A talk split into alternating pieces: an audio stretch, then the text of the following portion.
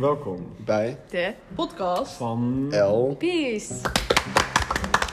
Wij zijn Lotte Jasper. Olivier. En Selma.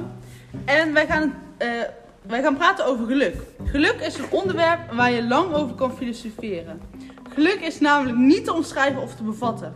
Toch gaan we dit proberen in deze podcast. We gaan onderzoeken wat is geluk.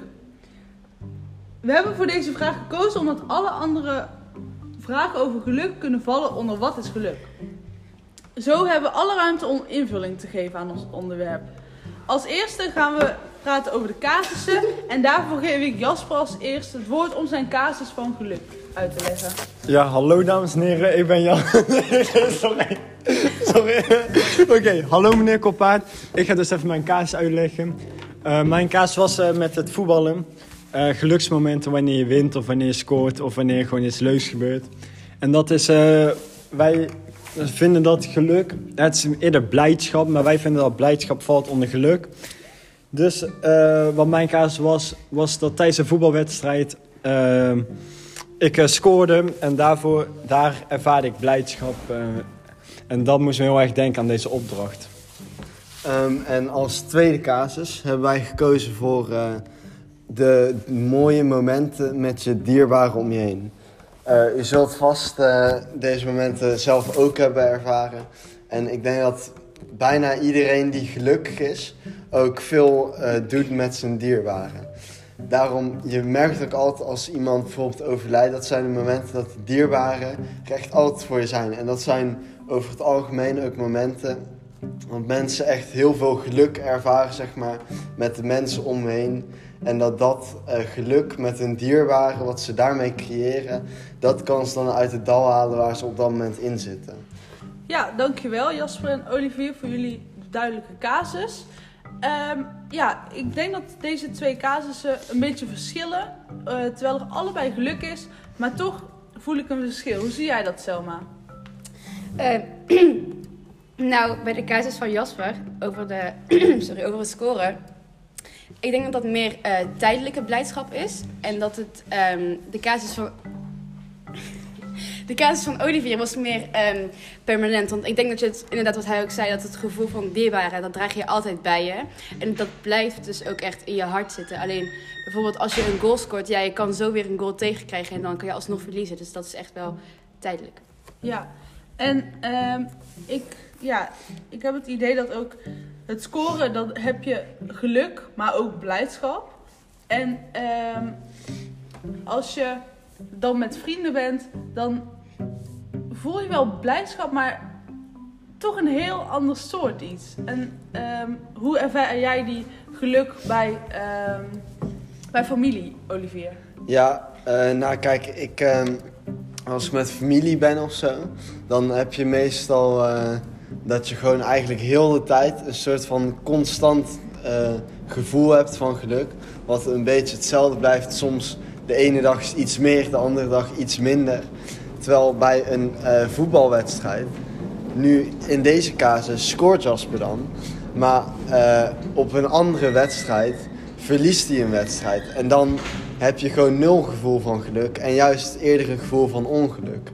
Terwijl ik denk dat als je met dierbaren bent, dat eh, de kans dat je een gevoel van ongeluk voelt, die kans is volgens mij gewoon heel veel kleiner. En ik denk ook dat het geluk, de, wat je krijgt van dierbaren, dat gaat volgens mij gewoon langer mee dan het geluk van een goal scoren.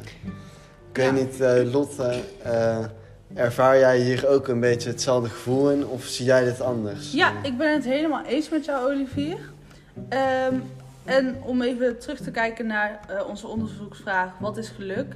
Kunnen we daaronder misschien ook wel de vraag eh, stellen: van is geluk nog meer dan blijdschap? Dus de geluk die je ervaart bij familie, is dat meer waard dan de blijdschap die je ervaart tijdens het scoren van een goal tijdens een wedstrijd? Wat vind jij daarvan, Jasper? Nou, ik denk niet, ik denk eh, niet dat het meer waard is. Omdat je moet in perspectief zien, maar ik denk wel dat de geluk bij familie eh, ja, onbe- een soort van onbewust geluk is. Omdat eh, als je bij familie eh, bent, sta je niet altijd stil dat je echt gelukkig bent. Maar ik denk bijvoorbeeld bij zo'n overlijdingscasus, wat Olivier ook al zei. dat je dan wel... Ja, dat zijn de momenten waar je bij stilstaat dat je eigenlijk altijd gelukkig bent bij je familie. En dat is denk ik ook wat het verdriet brengt als iemand overlijdt. Maar bij, bij een goalscorer bijvoorbeeld eh, is ook geluk, maar meer geluk in de vorm van blijdschap. Omdat dat maar momentopname is. Maar dat is wel een geluk die je ook voor een aantal dagen, misschien wel mee, weken meebrengt als je zeg maar, terugdenkt aan dat moment. Dus eh, ja, dat vind ik ervan. Ja, ben ik het mee eens. Stel, heb jij nog iets over te zeggen? Ja, want jij vroeg, Lotte, jij vroeg net aan eh, Olivier over het verschil, zeg maar, over geluk als je met vrienden bent en geluk als je met familie bent. Alleen in sommige situaties heb je ook dat mensen bijvoorbeeld zich heel ongelukkig voelen bij hun familie. Omdat ze ja, naar beneden worden gehaald door familie of dat ze vaak negatieve opmerkingen krijgen eh, vanuit hun familie toe. En dan denk ik dat ehm, geluk echt afhankelijk is van je band met die mensen. Want je kan bijvoorbeeld een sterkere band hebben met vrienden dan met familie. En eh, ja, dat wilde ik even zeggen. Ehm, ja, ik eh, zou hier wel iets aan willen toevoegen. Want ik denk dat, eh, ik zei net een aantal keer gebruikte ik of familie of dierbaren. Alleen ik denk dat tussen die twee woorden dierbaren de betere is om te kiezen. Want voor sommige mensen is familie eh, juist iets heel moois met alleen maar dierbaren. En bij sommige mensen zitten de dierbaren juist niet in de familie, maar juist bij je vrienden. Dus ik denk dat eh, ook het geluk wat je dan krijgt ligt eh, vooral ook aan de persoon waar je het mee deelt. En dat hoeft niet altijd dezelfde persoon te zijn, maar Ja. gewoon een persoon waar je op dat moment het fijnst bij voelt en waar je het meest mee klikt. Yep. Ja, helemaal mee eens inderdaad. Ehm, ja, de omgang met dierbaren maakt de mens gewoon gelukkig. En dat is een heel fijn iets om te beseffen. Ehm, Jasper, hoe ervaar, jij geluk eh, bij familie en vrienden? Eh, ik ervaar eh, altijd wel als ik bij mijn familie ben geluk, maar dat komt denk ik ook, ik heb een hele goede band met mijn, met mijn familie. En dat komt ook omdat, eh, ja, nou, ik weet niet of dat het dadelijk komt, maar zo'n heel ver weg, zeg maar, dus we zijn er niet zo heel vaak. En in de vakanties gaan we daar dan altijd heen.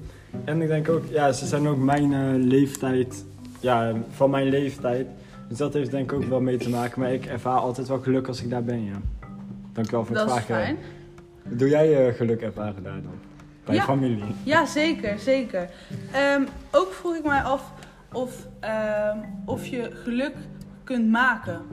Dus doordat je, eh, je ja, gewoon jezelf gelukkig kan maken en hoe je dat aanpakt. Want omdat geluk zoiets wat, eh, iets is wat niet te bevatten is, kun je dat dan zelf veroorzaken. Selma, weet jij daar een antwoord op? Ehm, ik denk van wel, als je jezelf op een eh, dagelijkse basis omringt met je dierbaren en echt de dingen doet die je leuk vindt en waar je van houdt, dat je dan ja, eigenlijk jezelf gelukkig maakt, omdat je elke dag doet, de dingen doet die je het meest leuk vindt met de mensen die je het meest lief hebt. Ja, en Olivier? Zie dat Ehm, jij ook nog iets op te zeggen heeft. Ja, ik eh, denk dat ook eh, in de twee verschillende casussen, eh, dat eh, daar allebei een verschillende manier is waarop je zeg maar, het geluk kan maken. Want ik geloof wel dat je in ieder geval een groot eh, gedeelte speelt in je eigen geluk.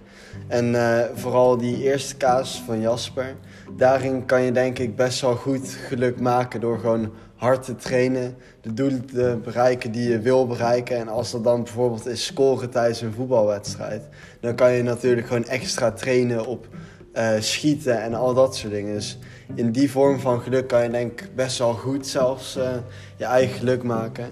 Alleen met dierbaren gaat het volgens mij toch wel lastiger. En dan moet je ook gewoon geluk hebben eigenlijk met de mensen om je heen die er zijn. En of je daar ook mee overweg kan schieten. Ik denk dat dat veel lastiger is om daar zelf echt geluk in te kunnen maken. Ja, ja echt eh goede uitleg. Dankjewel, Olivier. Graag gedaan. Ehm, en ik zie dat we al een beetje aan het einde van onze tijd komen. Dus ehm, wil ik het eigenlijk een beetje gaan samenvatten. Ehm, ja, we hadden natuurlijk de vraag wat is geluk? En dan hadden we twee casussen bij over het, het, de, het geluk dat je ervaart tijdens het scoren. En ehm, wanneer je in de eh, omgeving van dierbaren bent. Ehm, ik denk dat we hieruit kun- kunnen concluderen dat dit twee verschillende manieren van geluk zijn. Maar eh, dat ze allebei de mens een heel stuk gelukkiger maakt. En eh, dit kun je ook zelf gaan opzoeken, waardoor je jezelf gelukkiger maakt. Hebben jullie nog iets toe te voegen aan eh, deze samenvatting? Nou, ik Eh, vond nee, het is een goed samengevat, gesprek. ja. Ik vond het was een fijn gesprek. Fijn. Ja. Nou, hopelijk heeft u fijn kunnen luisteren naar deze podcast. En eh, dan tot ziens. Doei doei. Doei. Doei! Ciao.